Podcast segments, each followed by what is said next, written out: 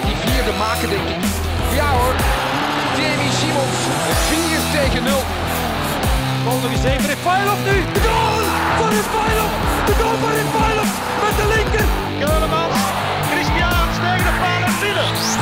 10-0. Een eh, zeer goede avond en eh, welkom op onze allereerste aflevering van De Klokken. Eh, een voetbalpodcast voor en door eh, Club Brugge supporters, mogelijk gemaakt eh, door de Blues eh, van FC Blues. Het is vandaag de allereerste aflevering, dus ja, we gaan een beetje werken met eh, vaste rubrieken.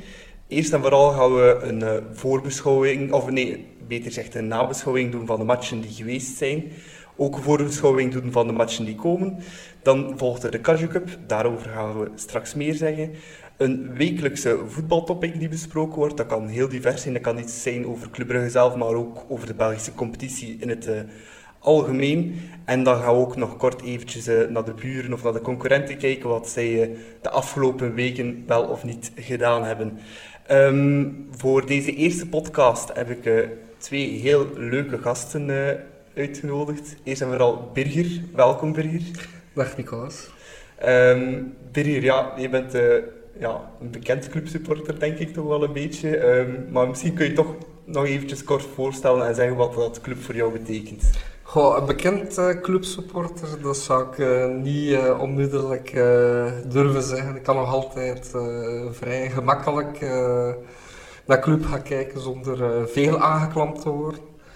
Ehm, maar ik ben voorzitter van de Blues. Ehm, en ik was ook het laatste jaar van, van Blue Army eh, voorzitter. Ehm, waarin dat misschien sommige supporters mij wel zullen herkennen als degene die eh, als eerste van eh, het clubshirt, allee, of toch meerdere clubshirts ontworpen heeft. Toen Macron de nieuwe kledijsponsor werd van club. Ehm, ik kom al ongeveer een 20 jaar eh, naar club kijken, eh, van mijn 8, 9 jaar. Mijn eerste wedstrijd was bijvoorbeeld eh, het afscheid van Frankie van der Elst. Al eventjes geleden. Dat is inderdaad al een tijdje geleden, maar direct al een heel mooi, eh, m- mooi moment. Toen ook meteen de eerste pitch invasion meegemaakt. En sindsdien ben een jaar of vijf, zes abonnee geweest in zowel Noord-beneden als Noord-boven in de vooral eh Sovjet-periode. En dan natuurlijk ja, door eh, school, eh, zelf nog voetballend eh, te zijn, is dat een tijdje minder geweest. Er werd al zo eerder zo losse tickets, eh, een goede wedstrijd of tien per seizoen. En dan ben ik eh, via Blauw-Zwart Forum eh, dan bij de werking van Blue Army eh, geraakt, vooral rond merchandise. Dan ben ik terug abonnee ook geworden. En nu ben ik weer al een jaar of drie elke wedstrijd aanwezig. Zo moet het, hè? zou ik zeggen. Eh, onze tweede gast eh, van vanavond is eh, Sander. Sander, jij gaat nog niet zo super lang aan het voetbal, maar vertel een keer wat club voor jou betekent of hoe ben je clubsupporter geworden? Eerst en vooral, Nicolas, wil ik jou heel hard, hard bedanken dat ik op de allereerste aflevering mag aanwezig zijn. En eh, ik ben eigenlijk kort gezegd clubsupporter geworden door mijn papa. Mijn papa eh, is geboren in Dendermonde, maar eh, ja, verhuisd naar Brugge. En op die manier, ja, via papa clubsupporter geworden. En ik ga sinds twee seizoenen toch bijna elke match thuis gaan kijken.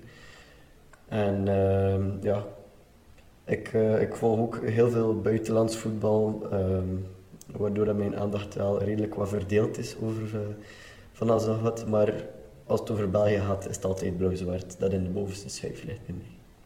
Voilà, super. Eh, ik ga mezelf ook eventjes kort voorstellen. Eh, ik ben, ga nu al denk ik 15 of 16 jaar heb ik een abonnement op club. Het is bij mij een beetje met de paplepel ingegeven. Ik ben zelf ook van Brugge. Mijn papa ging altijd al naar het voetbal. Mijn opa ook. Mijn opa heeft mijn papa meegebracht. Mijn papa mij. Dus eh, is zo al een beetje derde generatie clubsupporter bij ons. En uh, daarnaast ben ik ook al sinds nu het tiende seizoen dat ik uh, voetbalcommentator ben voor de blinden en slechtzienden die naar Club Brugge willen komen kijken. En af en toe ook doe ik dat voor de Rode Duivels. Dus uh, ja, dat is een beetje mijn uh, verhaal van club. Um, het eerste rubriekje, of het eerste dat we vandaag gaan bespreken, is Club Brugge Charleroi. Geëindigd op 1-0. Um, Birger, was jouw algemene indruk een beetje van die wedstrijd? Uh, toch wel een uh, moeilijke wedstrijd. Uh, was al een beetje gevreesd dat het vergelijkbaar ging zijn met, met de heenwedstrijd op Charleroi, waar het toch 0-0 was. En maar wel belangrijke drie punten, dat sowieso wel. Ja, belangrijke drie punten, dat alleszins. Sander, ja, inderdaad. Ik had uh, een gesloten match verwacht. Maar die was uh, ja, dankzij de vroege 1-0 eigenlijk redelijk snel meer open uh, gebloeid. En wat dat niet wil zeggen over de kwaliteit van de kansen die gekomen zijn. Maar ik had niet het gevoel dat zowel Charleroi als Club echt tegen een muur aan het voetbal was. Als dat, je dat, als dat we tegen Wasland Beveren zeggen of zo. Um, en ook ja, heel veel details waar, waar het er discussie over is. En dat is meestal zo als het uh, een heel, ja, als je aan elkaar gewaagd bent. Ja, ik vond het ook een zeer fysieke match. Uh, veel duels, uh, veel middenveldvoetbal. Um, ja, en inderdaad, zoals Berger zei, maar eigenlijk heel goed leek op die 0-0 in Charleroi. Ik heb een beetje het gevoel dat dat uh, de nieuwe methode wordt van onze tegenstander, van uh, er vaak een heel fysieke match van te maken. Uh, en je ziet ook al aan een aantal spelers, nu met de blessure van, van uh, Hans, uh, dat, hij, dat, we, dat we het op middenveld toch iets, iets lastiger hebben als we echt uh, fysieke slag moeten leveren. Ja, inderdaad. Dat was ook tegen Beveren, tegen Antwerpen, was ook een beetje dezelfde soort wedstrijd. Ja. Sander, je bent een beetje man van de cijfertjes. Uh, je bent dan ook een beetje de cijfers gedoken, denk ik, van uh, Club Brugge Charleroi. Uh, wat, kan, wat, wat, kan je ons wijzer maken daaruit? Wel, uiteindelijk, oh, cijfers, ik zou er niet zo heel hard op inkijken, maar nee, ja. als, als we gaan kijken, heeft Club Brugge drie of vier heel goede kansen gecreëerd, waar het, waar het echt wel een hol uit kon vallen, waar het er ja, en de goal die gevallen is, was niet echt zo'n uitgespeelde kans. Het was eerder ervoor, de ketelaar die bijvoorbeeld de verdediging mikt, uh, Vormer die uh, uh, hem er eigenlijk ook in kon schieten, maar ik denk dat het Tweede helft was, dat, hè? Ja. Die, die hem er eigenlijk uit, ja, ja tackled, zeg, om het maar zo te zeggen. En Charleroi heeft ook kansen gehad, twee kansen, goede kansen gehad. En dan heb je natuurlijk ook de de penaltyfase. Maar goed, als, als we bekijken, de club had net iets meer balbezit, uh, net iets meer uh, goed uitgespeelde kansen. En, uh, en ook ja, gelijk in overtredingen, ehm, evenveel hoekschoppen. Dus we kunnen wel zeggen dat ze wel aan elkaar gewaagd waren. Ja. Alleszins. Er waren ook uh, ja, twee discutabele momenten tijdens de wedstrijd. We beginnen met het uh, doelpunt. Al dan niet fout op Dennis. Wat is jullie uh, opinie?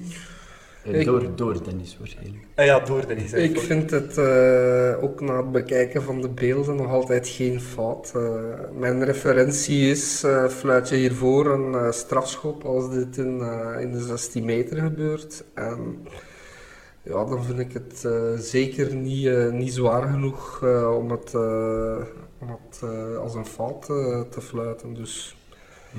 Ja. Um, ik vind het persoonlijk, ik, ik vind het ook geen fout. Um, het enige wat ik wel vind is, als je als scheidsrechter dit fluit, dan kan je ook de, ja, moet je wel consequent zijn in de rest van de wedstrijd. En ja. ik vind over het algemeen dat, dat Rotterdam consequent heeft gefloten.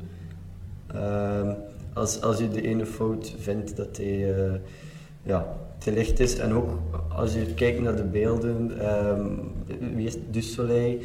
Um, Oké, okay, Dennis springt en hij brengt hem misschien uit evenwicht, maar de Soleil die gaat ook liggen op een manier, die smijt zijn armen ook in de lucht, die valt daar dan zo op de grond ja. en die lijnrechter die ziet dat natuurlijk. Het ding is ook, het is, het is de allereerste fase in de wedstrijd, ik denk de match was 10 seconden bezig of zo toen dat gebeurde. Um, ja, scheidsrechter ook niet direct altijd meteen die fout fluiten. Dat heeft er waarschijnlijk ook wel wat mee te maken, maar ik vond persoonlijk ook, um, ja, ik vond fluit hij hem, ja, tant Ik denk dat, dat, dat er niet echt veel mensen eh, heel kwaad om zouden zijn. Maar, Nee, dat denk ik ook niet, maar ik vind het vooral ook een vreemde uitleg eh, van eh, het referee department dat ik vandaag eh, las. Dat zij vonden dat de, de VAR-beslissing op zich correct was om niet tussen te komen, en dat kan ik wel snappen. Ja, Maar zij vonden het wel een overtreding. En als ik dan eh, zie wat dat er bijvoorbeeld op eh Ruud Vormer niet gefloten wordt tegen Eupen. Ja, en vorig inderdaad. seizoen eh, Hans van Aken tegen Agent, waar Verstraeten hem bijna bespringt. Eh, en daar is de uitleg dan dat de scheidsrechter eh, de fase goed genoeg kan beoordelen. Eh, dus dat er wel correct gefloten is voor geen overtreding te fluiten. En nu zou het dan wel een overtreding zijn. Als we al spreken over consequent zijn, ja, dan hebben ze denk ik bij het referee department daar alvast weer, weer een groot probleem. ja, nee, inderdaad, dat klopt. Dan het eh, tweede discutabele moment, dat was de strafschopgevalletje van eh Daly. Ik moet zeggen, vanuit mijn perspectief waar ik zat, ik zat in de Westboventribune, ik dacht meteen, ja, hij gaat hem fluiten. Ja. Die, die gaat direct op de stip. Ik, dat was mijn eerste gevoel, maar dan, allee, ik heb het geluk dat ik ook beelden bij me heb eh, op, op de wedstrijd als ik commentaar geef. En dan begon ik weer te twijfelen. Ik had het gevoel dat, ik denk dat het val was, Ja, die eh, toch redelijk rap naar de grond ging. Of hebben jullie Ja. dat anders gezien? Wel, ik denk, ehm, ik was toevallig niet in het stadion omdat ik in Amsterdam was dit weekend. Maar ik heb wel via mijn gsm gekeken, dus ik heb de wedstrijd nog kunnen volgen.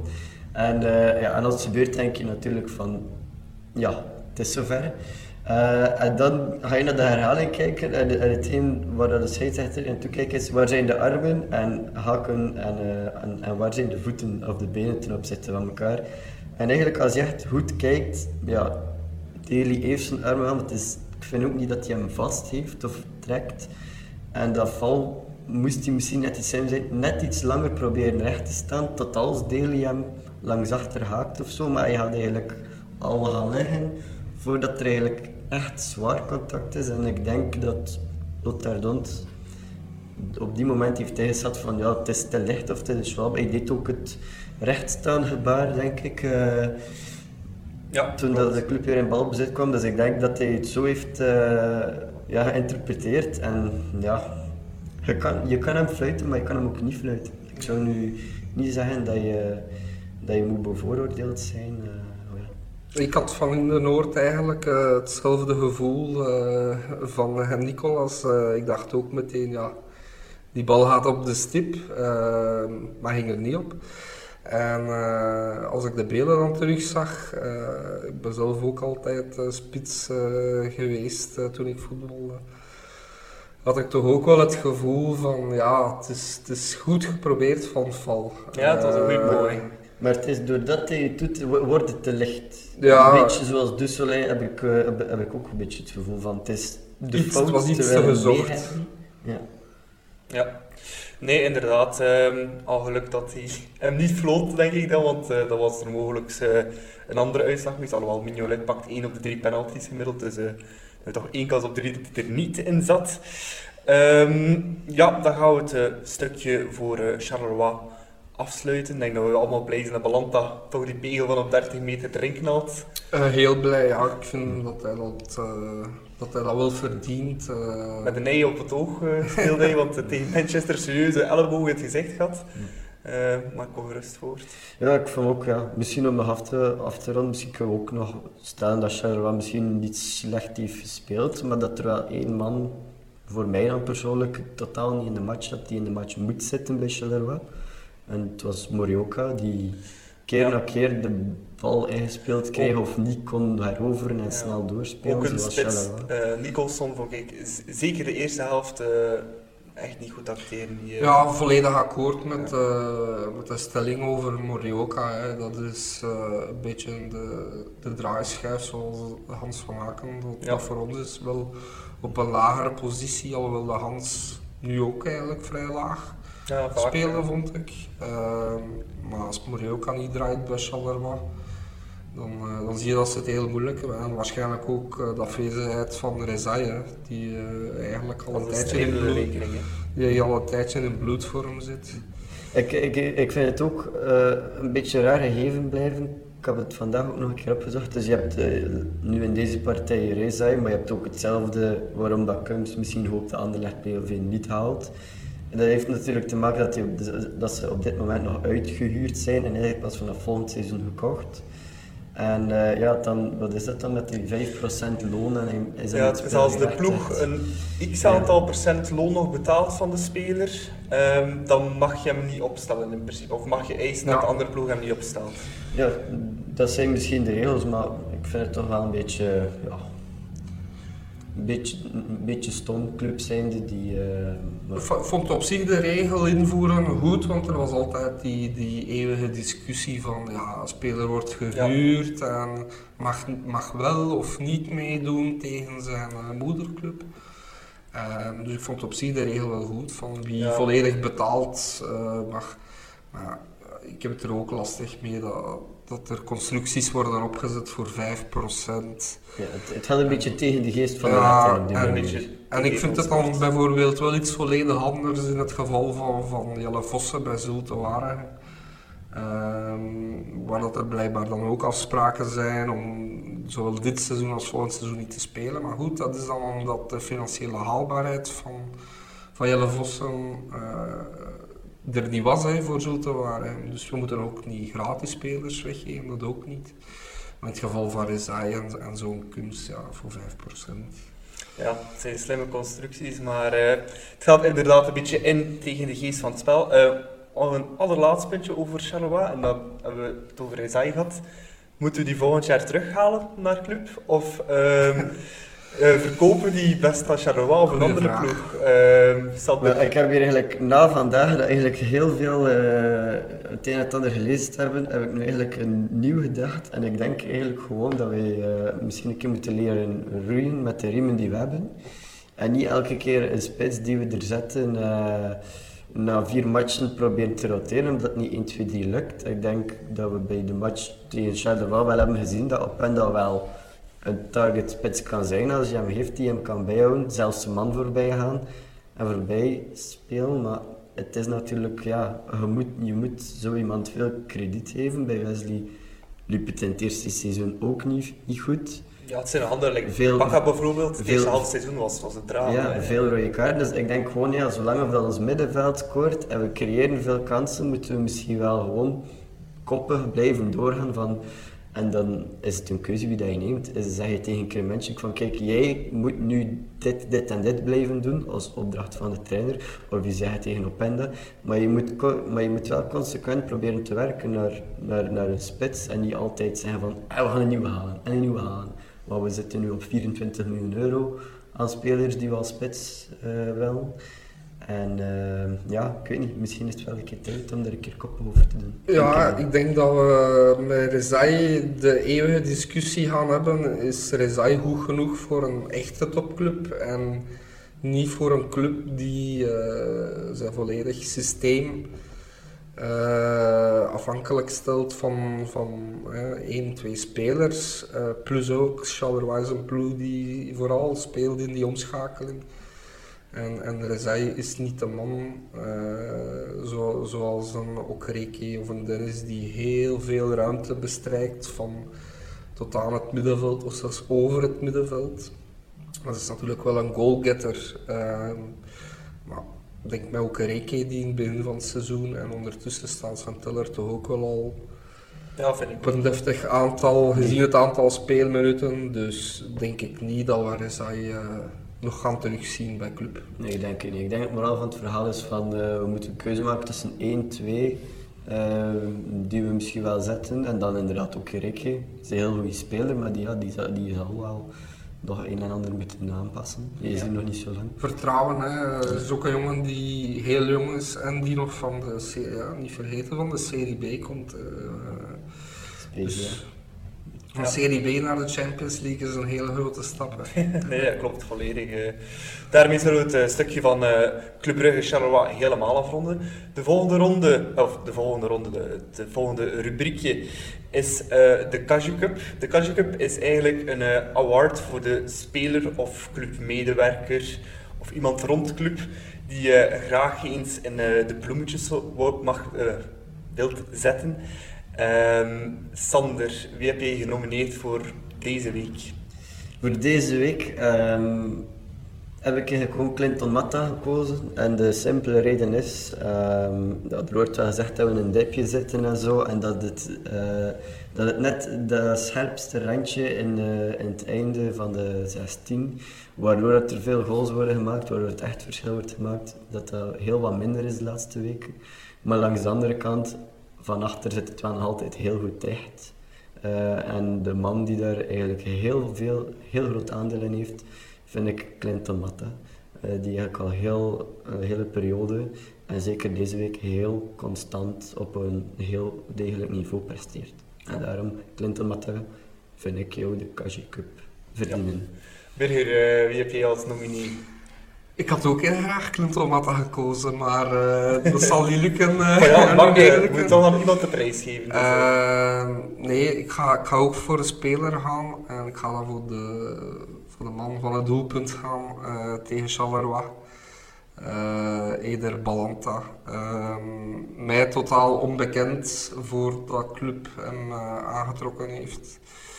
Ehm, en ja, wie had dat verwacht? Eh, na die moeten we het zeggen, odyssee eh, die Simons eh, achterliet, eh, zijn we dan uiteindelijk terug bij Simons beland en hadden we met Nakamba een ideale vervanger. En dan dacht iedereen, ja, dat, dat wordt onze stofzuiger voor de komende vier, vijf jaar. En dan was die plots ook naar Aston Villa, naar, naar Engeland voor het grote geld. En dan, dan had ik toch wel het idee van oei en nu. Eh, ook al hadden we met Rits wel een, een degelijke Belgische vervangen. Maar Palanta is, is toch wel, denk ik, nog een stap hoger. Eh, en ik vind ook een allee, heel onopvallende speler, maar zit wel overal tussen. Werkt, eh, werkt Ja. er. En ook een speler die eigenlijk club al, eh, DNA. die, die redelijk wat eh palmarès heeft. Hè. Oh ja. Ik denk dat de verschillende luisteraars misschien weinig weten over Balata, maar als je een beetje opzoekt, eh heeft nog bij het eh, grote River Plate gespeeld, de Copa Libertadores gewonnen, de Copa eh Sudamerica, dus het equivalent van de Champions League en de Europa League in, eh, in Zuid-Amerika. En daar is het echt wel op techniek en man op man en vechtlust. Dus, eh, en dat, ik vind dat je dat echt terug ziet. Ja, Zeker ik vind dat, dat zie je helemaal terug. Eh ik zelf ging Mats Rits nomineren deze week. Om de simpele reden, ik vond hem ja, twee weken geleden maakte hij dan de twee goals tegen Beveren, heel belangrijk. En ik vond hem tegen United een van de allerbeste spelers van de club. Ik vond hem een fantastische wedstrijd spelen. En ook gewoon puur naar zijn werkmentaliteit. Het is iemand die je altijd met een glimlach ziet als je de socials een beetje volgt van club. Iemand die, ik denk niet dat dat iemand is die vaak gaat mekkeren of gaat zagen eh, tegen de coach of tegen Clement of tegen andere spelers. Ehm, ja, en altijd positief ingesteld, dus eh, vandaar mijn nominee Mats Rits. Ehm, maar aangezien Birger ook al Clinton Matta en Sander Clinton Matta genomineerd heeft, dan denk ik dat Clinton de allereerste Cashew Cup mag winnen, zeker. Ehm, ja, ik denk eh, allee, zeker als je ziet welk niveau uh, Matta al een heel seizoen Ja. haalt en zelfs vorig jaar in de playoffs, Ja. eh, denk ik dat het wel een keer tijd wordt om als fan ook. Ik in de van Manchester United, dan is dat denk ik de eerste man die ik op mijn blaadje schrijf voor eh, eventuele transfer naar de Premier League te halen. Want fysiek, ja, dat heeft hij gewoon tegen United ook een paar keer getoond, kan hij dat absoluut aan. Dat is, eh, Onwaarschijnlijk. Ja.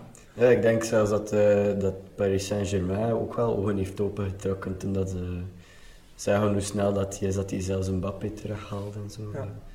Die hebben ook wel geld om daar naartoe te smijten. hè. Ja, dan gaan we over naar het eh, volgende rubriekje. Daarmee gaan we een beetje kijken naar eh, de concurrentie. Die eh, deed het eigenlijk niet zo slecht dit weekend. Het is al andere, we hebben al andere weekends Nee, meegemaakt. jammer genoeg niet.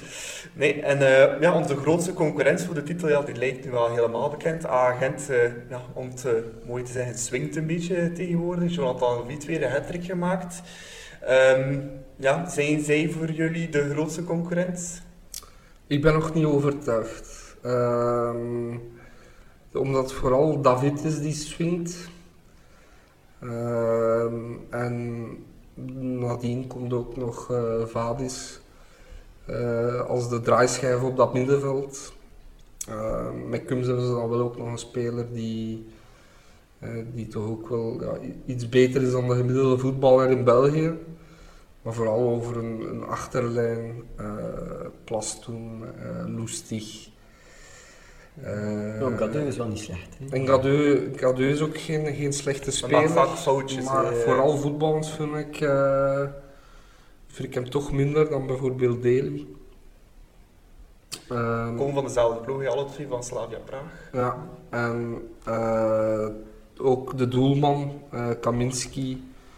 Ehm, allee, heb ik niet echt het gevoel dat dat iemand is die de titel eh, gaat pakken. Terwijl dat wij iemand in ons doel hebben die, ja, wat is het nu, 15 eh, of 16? eh, 17 clean 17 sheets heeft clean Club sheets. Brugge in totaal, maar ik weet niet hoeveel dat... eh Ik Eh, denk Mignolet 15, ik denk dat Horvat eh, ook nog Denk- verantwoordelijk was voor één of twee. Het zou onder twee zijn. Ik heb van Het zijn denk- 17 Ik had er clean 15 Ah. voor de, in de Pro League 15 voor de match, dus het zullen er 16 nadien zijn. eh. Maar langs de andere kant, eh Anderlecht is ooit kampioen geworden met Frank Boeks, dus eh, een goede keeper is niet eh, altijd... eh, Maar het was wel het beste seizoen, denk ik, dat Frank Boeks ooit, eh, ooit gepresteerd heeft in zijn eh, carrière. Dus eh, Maar ik, ik denk dat, eh Birger, dat je eigenlijk geen antwoord hebt gegeven op de vraag. De vraag was, is uh, agent de grote uitdager van Club Brugge?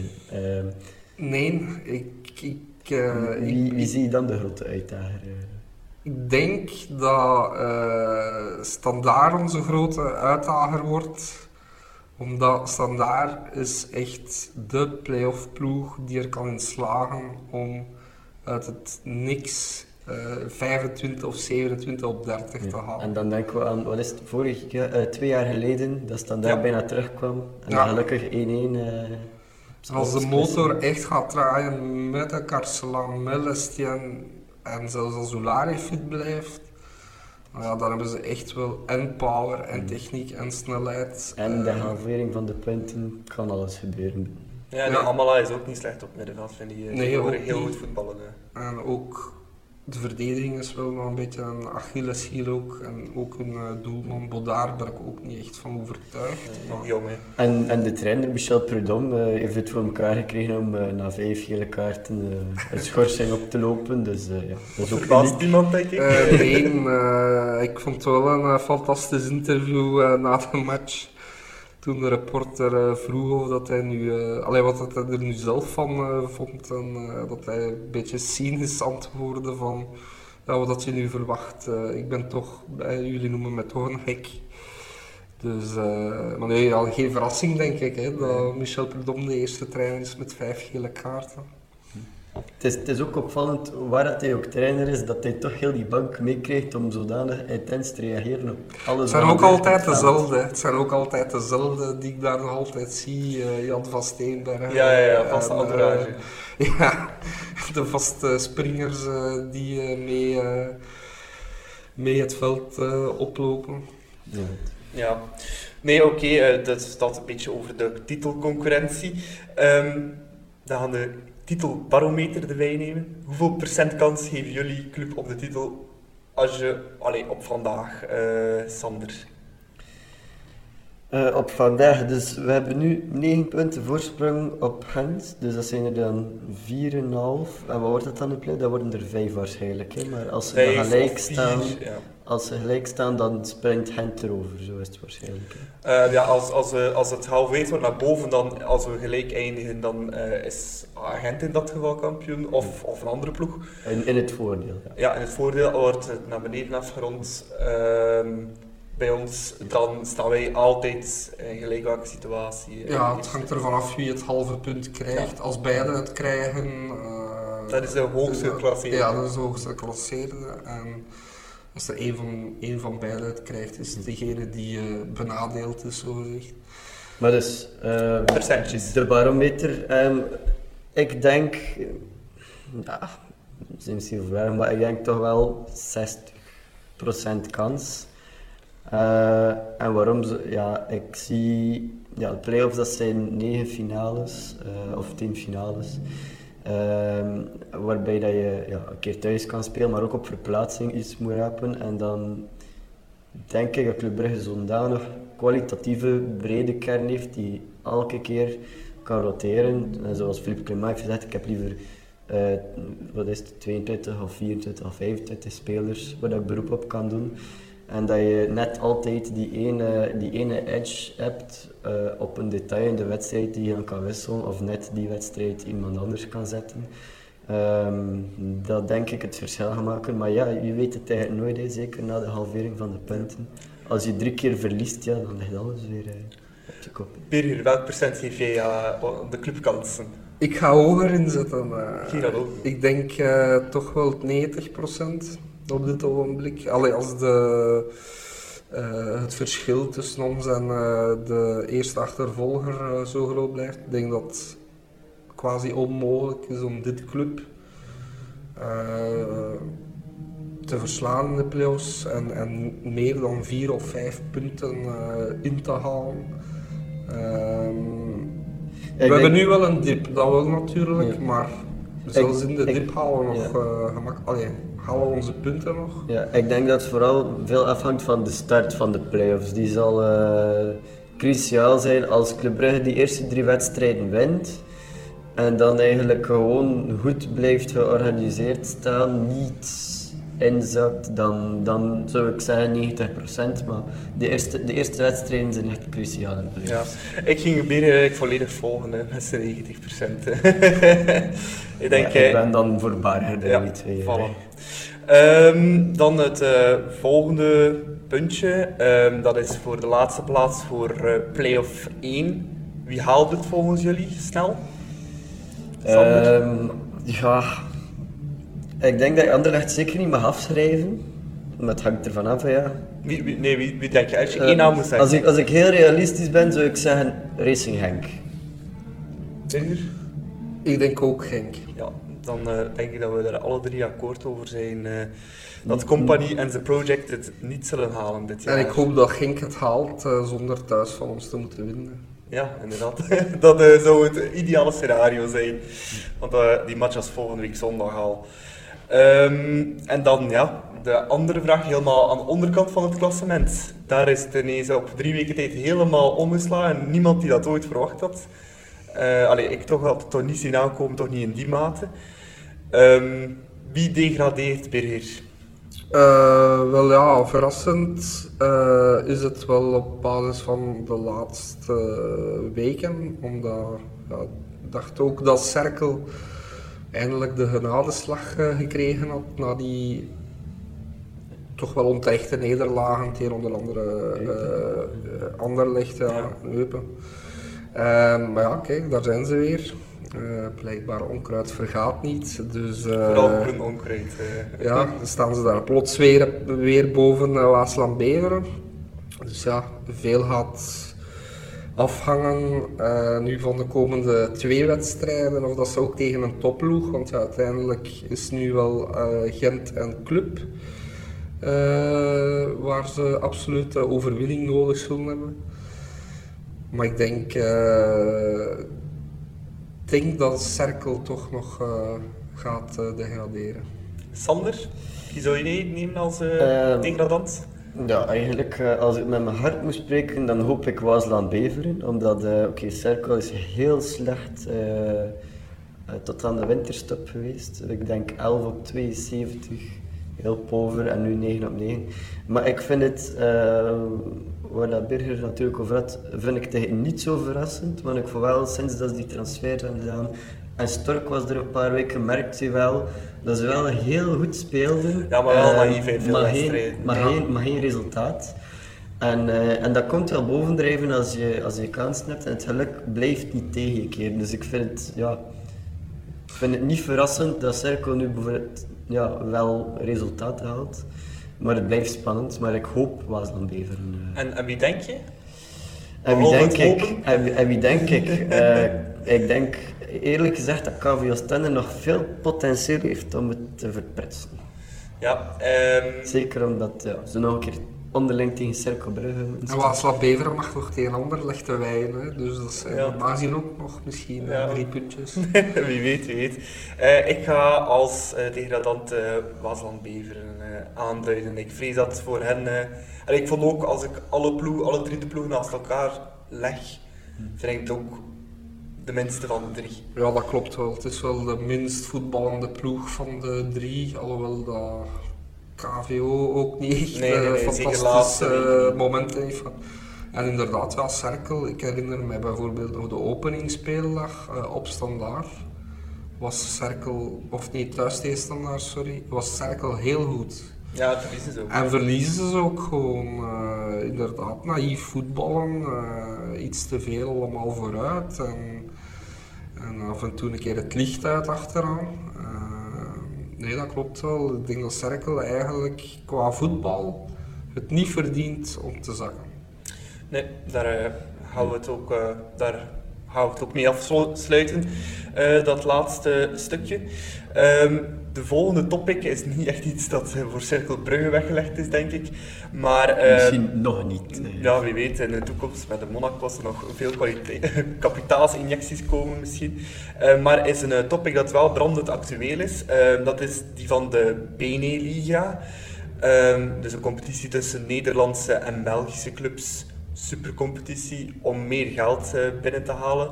Ehm, ik zal misschien eerst de vraag stellen aan Birger, of dat je pro of contra bent. Misschien al ook al vanuit een supportersperspectief dan eh, gezien. Eh, ik ga het vooral houden bij het eh, supportersperspectief en dan ben ik eerder contra. Een Beneliga. Zeker als ik zie hoe dat ook wedstrijden daar georganiseerd worden. Ehm, we moeten er rekening mee houden. Hier in België krijgen we toch nog gemiddeld een goede 800, 900 eh, tickets op verplaatsing. Ehm, ik hoor in Nederland eh, soms verhalen van topclubs die maar. eh, 700, 600. eh, ja, zelfs minder. Maar dat is natuurlijk bij de iets kleinere clubs zelfs naar 400, 500 tickets gaan. Eh, busreizen waar men twee pintjes per supporter Ja, ik ook meebrengen. gehoord. Dat is, eh, Dus ik denk dat de fun er dan eh, vrij snel eh, af is als je... Hoeveel kilometer is het naar Groningen? eh, 410 of ja, iets meer dan 400 van Brugge naar Groningen. Eén eh. pintje per 200 kilometer wordt denk ik voor sommigen een zeer eh, lastige zaak. Ja. Moest ik Nederlander zijn, ik zou misschien ook maar twee pintjes willen drinken onderweg naar Groningen. Dat is dan weer gegeven natuurlijk. eh. nee, dan versta ik je standpunt volledig. Sander, wat jij pro of contra Beneliga? Ehm, ik denk dat ik zeker als supporter heel contra zou zijn en als, eh, als het op sportief vlak gaat ben ik eh, sceptisch. Ehm, ik weet het eigenlijk nog niet zo goed, maar eh, ja, daar zullen we straks misschien wel, eh, ja, daar gaan we straks wel verder op ingaan. Ehm, maar ja, ik ben eigenlijk redelijk contra. Ja, als ik dan voor mezelf spreek eventjes. Ehm, als supporter ben ik ook tegen, omdat ik vind een eigen competitie en een landskampioen zijn van een bepaald land vind ik ook, ja, dat, dat hoort een beetje bij de eigenheid. eh, dat er geen kampioen van België meer zal zijn, dat vind ik dan ja, jammer. Eh, langs de kant, ehm, langs de andere kant, sportief gezien, ben ik eigenlijk wel pro. Ehm, omdat, ja, ik denk als het er ooit van komt, eh, tegen 2024 spreken ze van die ene grote supercompetitie, Super Champions League. Ehm, en ja, ik vrees gewoon dat als we enkel met ons klein landje blijven een competitie organiseren, dat we dan dat het gat tussen ons en die grote topploegen nog veel groter zal worden.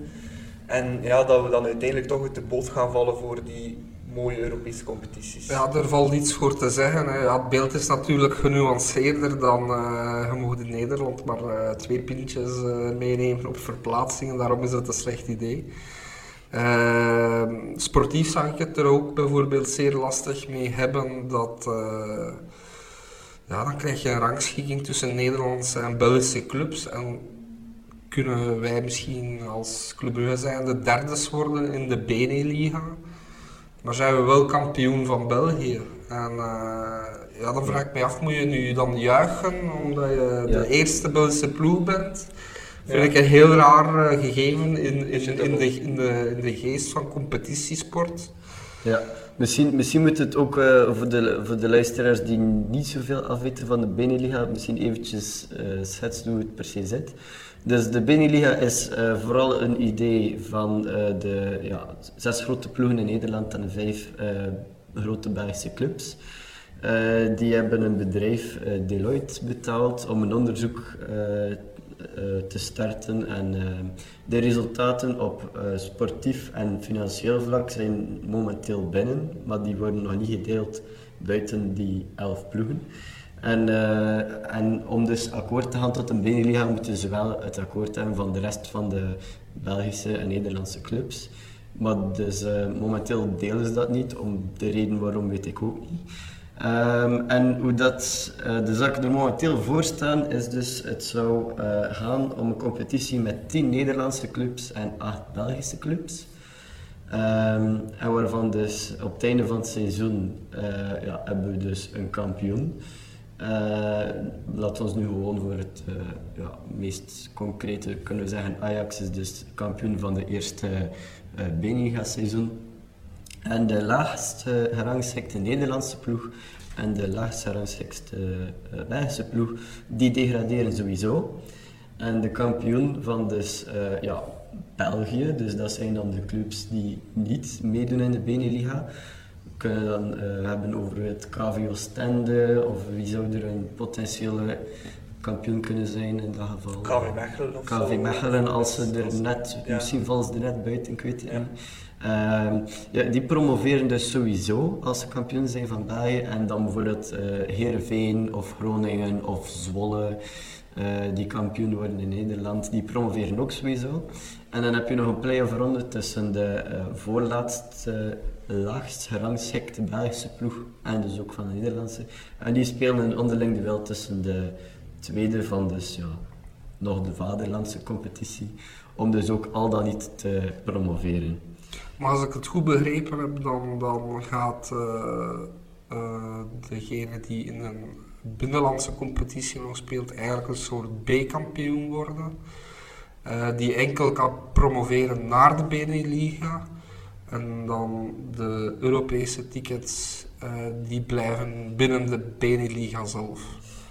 Uh, ja, dat, dat weet ik ook niet. Daar zijn ze ook nog niet uit, of toch niet dat ik gevonden heb. Nee, en ook de Europese tickets, dat is een groot issue, want uh, momenteel heeft België vijf Europese tickets, denk ik, en Nederland ook vijf, maar er wordt niet verwacht als we één competitie gaan voeren, dat we dan ineens samen ja. tien Europese tickets zullen Nee, dat denk ik. Uh, dat Wacht, dat denk, dacht ik van, van wel, dat, uh, dat er wel uh, apart gekeken wordt. Ja, ja of stel dat er apart gekeken wordt, dan is het probleem van ja, wie krijgt wat. Uh, kan je als, Ook al. als Club Brugge als derde zijnde een Champions League ticket krijgen? Stel dat er zeg eens, vijf Nederlandse ploegen als eerste eindigen in de Benelux, kan een keer een seizoen zijn. Inderdaad. krijg je dan gewoon vijf Nederlandse ploegen alle tickets? Of moet dat dan eerlijk verdeeld zijn onder beide landen. Dat is heel, ja, uh, dan heb je misschien Europa League met, alleen met zeven Nederlandse teams, bij van spreken. En, en, wie weet, de Conference League die ze nu binnen een paar jaar gaan organiseren, dat is nog een competitie onder de Europa League. Uh, ja, wat daarmee, het wordt allemaal veel ingewikkelder. Dat is dus ook een van de negatieve dingen. Um, ja, maar dus um, de drijfveer achter de Beneliga is eigenlijk, um, ja, ze menen dus vooral Edwin van der Sar en uh, Bart Vragen zijn twee grote trekkers daarin. Means dat we een sterkere competitie moeten hebben met meer topwedstrijden, uh, zodanig dat we op sportief vlak meer kunnen bijbenen bij de grote Ja. bij de grote jongens, om het zo Ja. te zeggen. Eh, wat dan- is jullie mening erover? En zal dat zo zijn? Of is het, eh, Ehm, ik denk niet dat het er ooit van zal komen. Allee, dat is mijn mening erover. Over eh, dat, het op, dat, dat, het, dat we een sterkere competitie zouden Ja, krijgen? dat, dat, dat, dat, dat lijkt me duidelijk. Hè. Allee, ja. Ik denk als je competitie hebt met Ajax, Club Brugge, PSV, Standaard, Antwerpen eventueel er ook bij, dat je dan sowieso wel een sterker en groter platform creëert, sportief. Dat lijkt mij, allee, voor mij is dat toch vrij duidelijk. Eh, Ik ben er een beetje meer twijfel Ja, ja en nee. Als ik zie hoe dat wij nu momenteel toch heel vaak kiezen voor eh, rotatie. Ehm, en dan moet je elke week wel de wei in tegen een ploeg van toch wel ja, een degelijk kaliber. Hè. Niet, niet Eupen, eh, niet, niet Cerkel of, of niet KV Oostende. Nee. Dus de kwaliteit, ja, eh, is onze competitie sterker geworden door de play-offs? Ja, men zegt van wel. Ik, ik Ik vind denk- persoonlijk ook van wel. Ik, denk, ik ben het eigenlijk bijna zeker. Goed, ja. Ik denk dat vooral het financiële daarin een grote rol heeft gespeeld. Ik denk dat we een gewoon format ook wel, eh, wel nog de nodige resultaten eh, aan, Ja. de, aan, aan de bak zouden leggen. Maar ik, ik denk vooral ehm, dat ze in Nederland vooral uitkijken naar meer topwedstrijden. Want Ajax en PSV ja, die spelen eigenlijk maar vier of zes topwedstrijden in een jaar. Ja, daar hebben wij ongeveer. En dan, ehm, ja, en dan vraag ik me eigenlijk af, kijk, ehm, als je meer topwedstrijden wilt, moet je dan direct naar een Benelli gaan om je competitie sterker te maken, want Ajax is vrij dominant. Moet je dan misschien niet denken aan, misschien moeten ze ook een play-off systeem hebben als ze, als ze meer topwedstrijden willen spelen en juist eh, ja, de competitie Maar ze hebben dat daar gehad in een playoff systeem. Wel Ja, een maar ander format dan bij Een heel, heel vreemd eh, format. Hè. Was voor de, Eh, voor de Europese plaats. De kampioen, dus de eerste in de rangschikking, eh, werd kampioen. Dus volgens een, een, een reguliere competitie. En ik denk de plaatsen 2 tot 6 spelen een soort knock-out systeem. Inderdaad, voor, Voor, voor een eh, League voor- ticket waarschijnlijk. Ja, ik denk zelfs een tweede, een tweede voorronde Champions League ticket. Ik denk dat zelfs de Ajax zo is als zesde eh, het tweede beste Europese ticket nog veroverd heeft. En ik denk dat dat ook het laatste jaar was dat het format stand gehouden heeft. Want ja, uiteindelijk, ik heb eh, de samenvatting eh, gezien dit weekend eh, in Nederland. En Ajax verliest ook gewoon van eh Heracles. Prachtige goal van Cyril Dessers, Belg. Ja, dat zat er, dat zat er natuurlijk aan te komen. Heracles was, is, ja, is een beetje de, de ploeg die Ajax verslaat. Heb ik nog een keer eh, gezien. In de, ik was in Amsterdam en ik zag de wedstrijdbespreking en ze waren er allemaal over bezig. Maar goed, dat is Nederland. Ehm, nog een, eh, ja, een, een voordeel zou kunnen zijn dat er eh, ja, kleine clubs kampioen kunnen spelen. Dat is misschien ja, goed nieuws voor... eh, Maar ja, zoals Ben zei, dat is dan een beetje de B-kampioen. hè. Allee, je hebt wel het gevoel dat je kampioen speelt, dat is een beetje zoals kampioen spelen in de tweede klasse, denk ik dan. Nu, of, of kampioen spelen in 1B nu. Ja, ik denk ook, en ik vrees daar eerlijk gezegd ook voor, dat een Beneliga een beetje het aanzuigeffect gaat hebben van play-off 1. Ehm, ik denk dat de play-offs nu hoe lang bestaan? 10, 10 jaar? Ja, tien jaar. En ik kan me eerlijk gezegd niet herinneren dat ik ooit eh, één wedstrijd de volle 90 minuten gekeken heb naar een eh play-off 2 wedstrijd. En ik denk ook niet dat ik dat ga doen in een, eh, in een Beneliga eh, format, wa- waarin dat de Belgische competitie eh, dan, dan ja, die, die gaat zijn. wordt, ja. Dus je, dus je beziet het meer als een soort ja, begraafplaats voor de kleinere clubs. Ja, maar dat is natuurlijk iets persoonlijk. Hè. Ehm, en ik denk ook, ik vrees ook dat vele clubs, eh, ik denk dat we dat genoeg zien met club op verplaatsing, dat vele clubs ook in de problemen gaan komen qua, qua eh, bezoekersaantallen. Eh, club is, al- is altijd een ploeg die ook heel veel fans in de thuisvakken meebrengt. Ja, we moeten maar eens opletten hoeveel wedstrijden uitverkocht geraken tegen Club Brugge. Als je eens in Kortrijk bent, dan spreekt de helft van het stadion erin. Ja, inderdaad. Eh, of eh, op Zulte Waregem eh, de helft van de tribune. Eh, maar is er altijd heel fier, we zijn uitverkocht. Maar ik vraag me dan af of dat ze die eh, stadions toch gaan uitverkopen eh, onderling. Ja. Ja, en ook eh, fans moeten verder afreizen en zo. En, eh, en iets waar ik misschien ook nog jullie wil vragen is, ja, stel dat we een Beneliga hebben, eh, is dat ook niet nefast voor bepaalde spelers of ja, jeugdspelers kansen te geven? Ik denk nu maar De drempel wordt groot, hè. Dus aan, dat aan, sowieso. aan, aan spelers die opgemerkt worden en toch gehaald worden door de topclub, omdat ze juist tegen een topclub kunnen spelen en die eigenlijk ja, door, die, door, door dat schap Dat, vind ik bij club natuurlijk wel geen eh, argument. Eh, ik vind bijvoorbeeld ook goed dat, dat de Ketelaar eh, en de Kuiper nu een kans hebben gehad in een Europese marché in grootmacht. Omdat ik vind als je bij club bij de A-kern terechtkomt, moet je wel klaar zijn voor het niveau van Club Brugge. En dat is nu eenmaal ook Europees spelen. En oké, ja, er zijn jongens die misschien een ander parcours afleiden, die misschien iets rustiger moeten gebracht worden. Maar ja.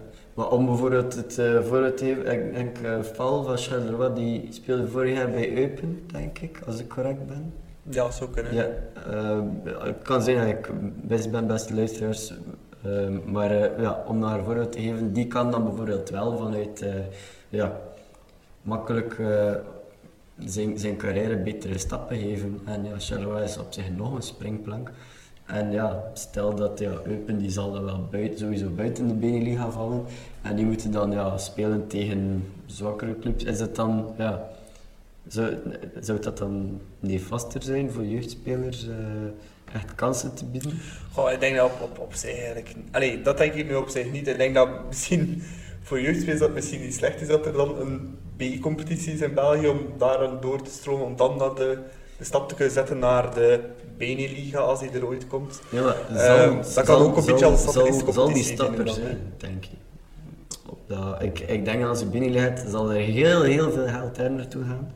Heel weinig in België en Nederland apart blijven hangen. Veel, veel hangt ook af van hoe de jeugdwerking zal evolueren in België. Want als je naar een Beneliga gaat, en dan je het niveau toch wel iets hoger dan een, nationale competitie uh, qua, qua tegenstanders. Uh, wat ga je dan doen met al die uh, belofteteams? Of zelfs ja, gewoon de gehele jeugdteams? Hè? Gaan die dan ook tegen alleen maar sterkere teams uh, spelen?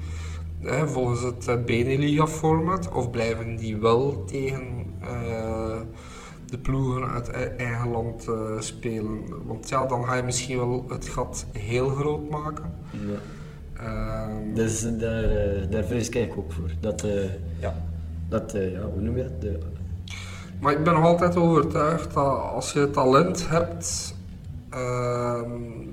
gaat er het zeker uitkomen. En dan is het misschien zelfs geen nadeel om het uh, tegen sterkere tegenstanders te moeten doen. Uh, iedereen kan wel een keer een uh, nerveus debuut hebben en dat even moeilijk is of zo. Ehm, maar ik denk dat we nu uit de laatste jaren toch wel conclu kunnen concluderen dat een, allee, het debuut van de ketelaren toch wel een enorm verschil is met Brecht tien jaar geleden inderdaad uh, een Brecht Capon en Gert-Jan de Metz en zo. Uh. Ja, nee, klopt. Misschien kunnen we hier dan het uh, stukje Beneliga stilletjes aan uh, een beetje afronden, want uh, ik zie dat we al eventjes bezig zijn met de, de podcast. Um, het uh, volgende zaak, of de volgende rubriek dat we gaan bespreken, is een voorbeschouwing op de volgende wedstrijd. Het is een hele leuke. Het is club, uh, Manchester United Club Brugge, de terugwedstrijd. Eén wedstrijd eindigde vorige week donderdag in een uitgeregend Jan Breidel op 1-1. Um, eerste vraag naar jullie toe. moeten we ons kost wat kost kwalificeren. Want ik heb van andere supporters gehoord dat ze zeggen, ja, moeten we wel verder gaan in Europa, we hebben al zoveel matchen gespeeld. Um, die willen niet een gelijkaardig scenario hebben zoals we in 2015 hebben meegemaakt, waardoor we denk, kwartfinale hebben gehad tegen Dnieper, Dniepropetrovsk. Dnipro, ja, moeilijk ook al iets gedaan. Een ploeg die eh, volledig van de kaart verdwenen Ja, is. en dat bestaat niet meer, Nee, bestaat niet meer. Ja, Dnipro, Dnipropetrovsk. Ja, wel. Ehm, toen hadden we de kwartfinales, maar eh, zijn we eigenlijk ja, mede door vermoeidheid toen de titel misgelopen aan, aan Gent. Moeten we daarom ja, ons misschien een beetje inhouden tussen aanhalingstekens tegen Manchester United? Eh, ik vind van niet. Ehm, we zijn club. We, ambiëren nu eenmaal in elke competitie het zo goed mogelijk te doen. In de, competi- in de Belgische competitie is dat de titel ambiëren en in de beker eh, bekerwinst. En daar zijn we al serieuze En- stappen aan het En in zetten. de Europa League, de Europa League natuurlijk, dus ja. Of, of het realistisch is dat we Europa League kunnen, is natuurlijk een andere vraag. Maar ik vind wel dat we verplicht zijn eh, om, om er alles aan te doen Ja. om zo ver mogelijk te raken. Want Al, al is het maar voor de coëfficiënt. ook al, Voor het coëfficiënt, en ik heb ook zoiets. ehm, allee, we zijn nu, eh, ik denk, zeven jaar na datum, maar iedereen praat nog altijd over de ene goal van Mendoza in eh Milaan. Want Het zal misschien niet dezelfde verhouding zijn dat we eh, tegen zouden winnen, maar als wij nu Manchester United uitschakelen, dan ben ik zeker over tien jaar praten we daar nog over. eh, sowieso. Maar ik denk ook, als we dan kijken naar 2015, waarom zouden wij het parcours van Jepper niet kunnen afleiden tot in de finale? We hebben spelers zoals Mignolet en eh, ja, blijkbaar Balenta, die de Zuid-Amerikaanse equivalent al heeft gewonnen. Dus. En, en inderdaad, ja, die Petrovsk heeft de finale gehaald door echt betonvoetbal te spelen. Ja. Ehm, ik denk, we slikken weinig goals. Philippe Clement, wees eens creatief. Geef een keer een andere opdracht als huiswerk en misschien halen we het wel. hè. Ja, ja, Maar, maar ik, denk, eh, ik denk dat we inderdaad ook voluit moeten gaan om proberen Manchester United toch uit te schakelen. Zeker nu dat Manchester United sinds jaren nog niet zo zwak is geweest. Ehm, ook naar aanleiding van de vorige wedstrijd, er waren veel mensen die zeiden van ja, we gaan op onze doos krijgen. En ik heb altijd gezegd van nee, is niet waar. Omdat je kon ook wel heel duidelijk zien dat ze tegen de topploeg heel goed speelden, omdat ze ja, vanuit omschakeling en countervoetbal veel goals maakten. Ja. Maar als ze zelf het spel en de muur moeten afbreken, dan is het heel, heel lastig. Ja, want eh, ik vind ook, als we dan kijken Europees dit jaar, eh, dat onze beste Europese matchen altijd op verplaatsing speelden bij de grote ploegen. Eh, ook, ehm, zeker. Er is wel één grote vrees die ik heb en dat is eh, Bruno Fernandes. ik vond dat ook, ik heb die gezien in de Brugse Mette tegen Club Toeval, die Die al was eh, outstanding. En die brengt het niveau van United, die kan Ja. volgens mij ook perfect mee bij Barcelona. Ja, er is daar een heel simpele oplossing voor. Je zegt gewoon tegen Ruud Vormer, schop die gewoon een keer, na 10 minuten, een keer goed onderuit, pak die gele kaart en die zal wel de rest van de wedstrijd wat minder zijn. Maar ik hoop dan dat we die eh, Bulgaar eh, van op Real niet eh, als scheidsrechter hebben. Nee. En de vorige scheidsrechter lust ook niet. Nee, nee, dat was ook geen topper. Nee. En ook nog als laatste detail, eh, het speelt ook heel groot in ons voordeel dat Manchester United momenteel achtste, denk ik, staat. Ja, ze hebben wel, ik En denk, dat denk dat ze gestegen zijn eh, met de 3-0 winst van Burnley Ja, dit of, weekend. of zevende, maar ze moeten denk ik toch de zesde, of ja, ik denk dat ze wel Champions League wel hebben, maar dat ze echt wel punten moeten halen in de competitie. En dat ze misschien nog de afweging maken van gaan we het proberen de Europa League te winnen om Champions League te halen, of gaan we toch Chelsea van de vierde plaats moeten houden. Ik weet Ja. momenteel niet wat er makkelijker zijn. Ik denk, ik denk eerlijk gezegd eh, dat dat een beetje 50-50 geval is. Want ik heb eh, de namen gezien van de teams die er, zo zegt nu na de eerste wedstrijd, het best voor staan in de Europa League. En ja, als we kunnen stunten tegen Menu, dan eh, behalve Shakhtar, denk ik, wacht er ons gewoon een eh, opnieuw een mooie, mooie tegenstander. Nee, dat Dus ik denk dat voor Menu ook niet zomaar gezegd is dat ze de Europa League eh, op één been winnen. Nee, nee, absoluut niet. eh. En bij, langs de andere kant worden ze ook heel, heel moeilijk nog vierde, denk ik. eh. Nee, nee, dat, Dus dat het was is niet. Ehm, voor donderdag, ehm, als jullie, als Birger Razé Philippe Clement was, eh, hoe zag je ploeg eruit eh, dan? Wie zou je en, opstellen? en welke wedstrijd verwacht je misschien? Ja. Ehm, ja, goede vraag. Ik hoop dat we met dezelfde ingesteldheid eh, aan die match beginnen zoals op Real en op PSG. Eh, onbevangen. Ja. Geen, geen schrik van, eh, van onze tegenstander. Ehm, dus ik zou ook gewoon eh, opteren voor een ploeg die, die zoals op Real daar eh, naartoe neigt. Ik drie snelle spitsen was dat toen. eh, ja, inderdaad. Eh, dus ook Reke, eh Tau en Dennis, afhankelijk van hoe fit of eh Diatta van natuurlijk is. Ja, want ik vond het wel heel jammer dat hij er Ja. nu tegen Menu niet bij was. Want als je ziet hoeveel ruimte dat Kusunu heeft gehad in die match, dan denk ik als Diatta daar stond. Ja, je kan echt Dan, twee in binnen geramd.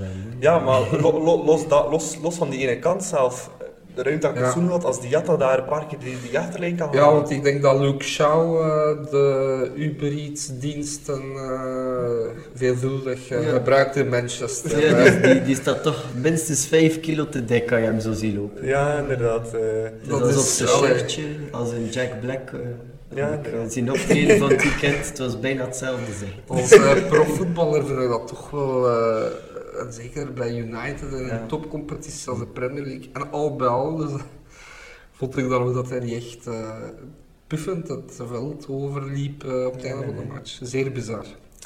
Nee, ehm, we gaan ook een eh, korte terugblik doen naar eh, 2015. Toen we speelden ook op Manchester United.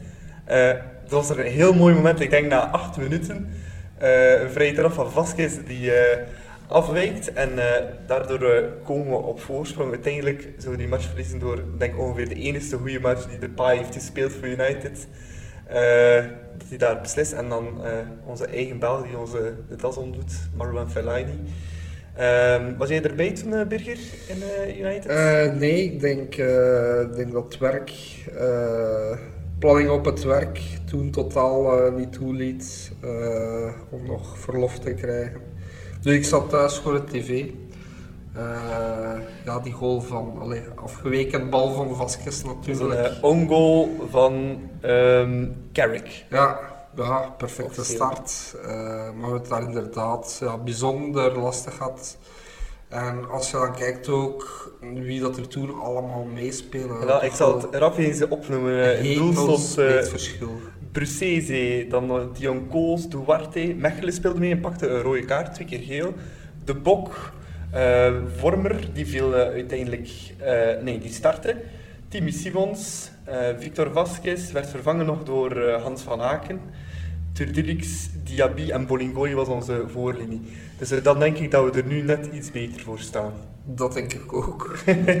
Hoeveel procent kans geef je Club Brugge dan? ik ga voor 25% kans, één kans op vier. Ja, ik dacht ook zoiets 30 procent. Ja, ik Ja, eh, maximum is-. Voilà. Ja, je weet nooit, hè. eh. En eh, we gaan ook een, ehm, een rubriekje erin steken. Eh, we gaan er een beetje klassement bijhouden van alle mensen die meedoen eh, met eh, de podcast. is eh, een pronostiek eh, competitietje. Ehm, Birger, eh, wat geef jij als pronostiek? Goh, ehm, ik ga gaan voor 1-1. En dan? Verlengen. En eh, penalties en Mignolet. Die is allemaal pakt. Die Oostende gewijs uh, er enkele uit de kooi ranselt. En, uh, Ik denk dat heel Liverpool meeviert dan. ja, sowieso. En dan maakt het zelfs niet uit wie die beslissend uh, binnentrapt. Um, ja, daar heb ik eigenlijk wel nog een keer zin in. Uh, in, uh, in een thriller. Dus geef mij maar 1-1 en winnen met penalties. Sander? Ja, ik vind Birger dat je een fantastisch scenario aanhaalt, maar helaas denk ik dat dat bijna onmogelijk is. um, en de reden waarom ik dat denk is, als ik ook naar de heenmatch kijk, was Club Brugge de eerste helft veel beter. En ook uh, als je kijkt, uh, Club Brugge heeft veel meer grote kansen bij elkaar gevoetbald. Manchester United schoot meer vanuit de box en uh, ja, bal tegen verdedigers aanschieten. Um, maar na het einde van de wedstrijd merk je wel dat ze ja, het heft in handen nemen. En ik denk dat dat vooral te maken heeft met die veel grotere fysieke motor die ze hebben in Engeland. Dus ik denk eigenlijk hoe langer dat de wedstrijd duurt, hoe minder, ja, hoe kleiner dat de kans voor Club Brugge wordt. Dus uh, ik ga zeggen, uh, ja, ik denk dat ze het niet gaan halen, dat het 2-1 wordt. Omdat, ja. En ik ga me één pronostiek geven. Ik uh, volg Birger tot aan de 1-1. in de verlenging. En dan zeg ik dat we er gewoon nog volledig over gaan. En eh, gewoon met 1-2 gaan winnen uh, op United. Dat is uh, mijn pronostic. Zo uh, fantastisch feestje op de bussing. Zeker. die alleen in de bus. Ik denk heel toch een deel van Manchester dat blauw kleurt. Zal ook meevieren, denk ik dan. Ja, het zou dus, heel mooi zijn. Hè? Fantastisch zijn. Nee. Birger en ik zullen er alleszins uh, bij zijn. Um, ja, dan zijn we een beetje aan het einde gekomen uh, van onze podcast. Dan wil ik graag uh, Sander bedanken voor erbij te zijn. En ook Birger uiteraard voor erbij te zijn. Um, verder kan ik ook meedelen als jullie suggesties, opmerkingen of een topic eens willen bespreken, besproken horen in onze podcast, kan je dat altijd mailen naar uh, podcast, podcast bluesfcb.be. Uh, je kan ons ook terugvinden op Twitter, at uh, de Klokkenpodcast.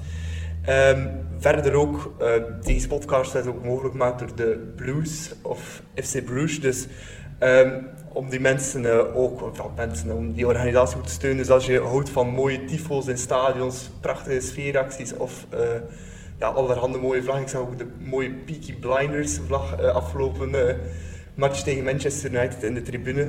Uh, koop dan een membership card, zou ik zeggen. Je kan dat makkelijk doen door te mailen, Birger. Ja, door een mail te sturen naar info at. Voilà. Ik zou zeggen, allemaal doen, allemaal een membership card kopen, dat we volgend jaar nog een tiental tyfo's in Jan Breidel zien. ik, hoop, uh, ik hoop het met u mee. Ja, voilà. Um, dan gaan we hierbij afsluiten en uh, dan zien we jullie binnen uh, twee weken terug voor een, de volgende De Klokken podcast. Tot dan. Tweede paal is toch goal! Het is 3-4. Ryan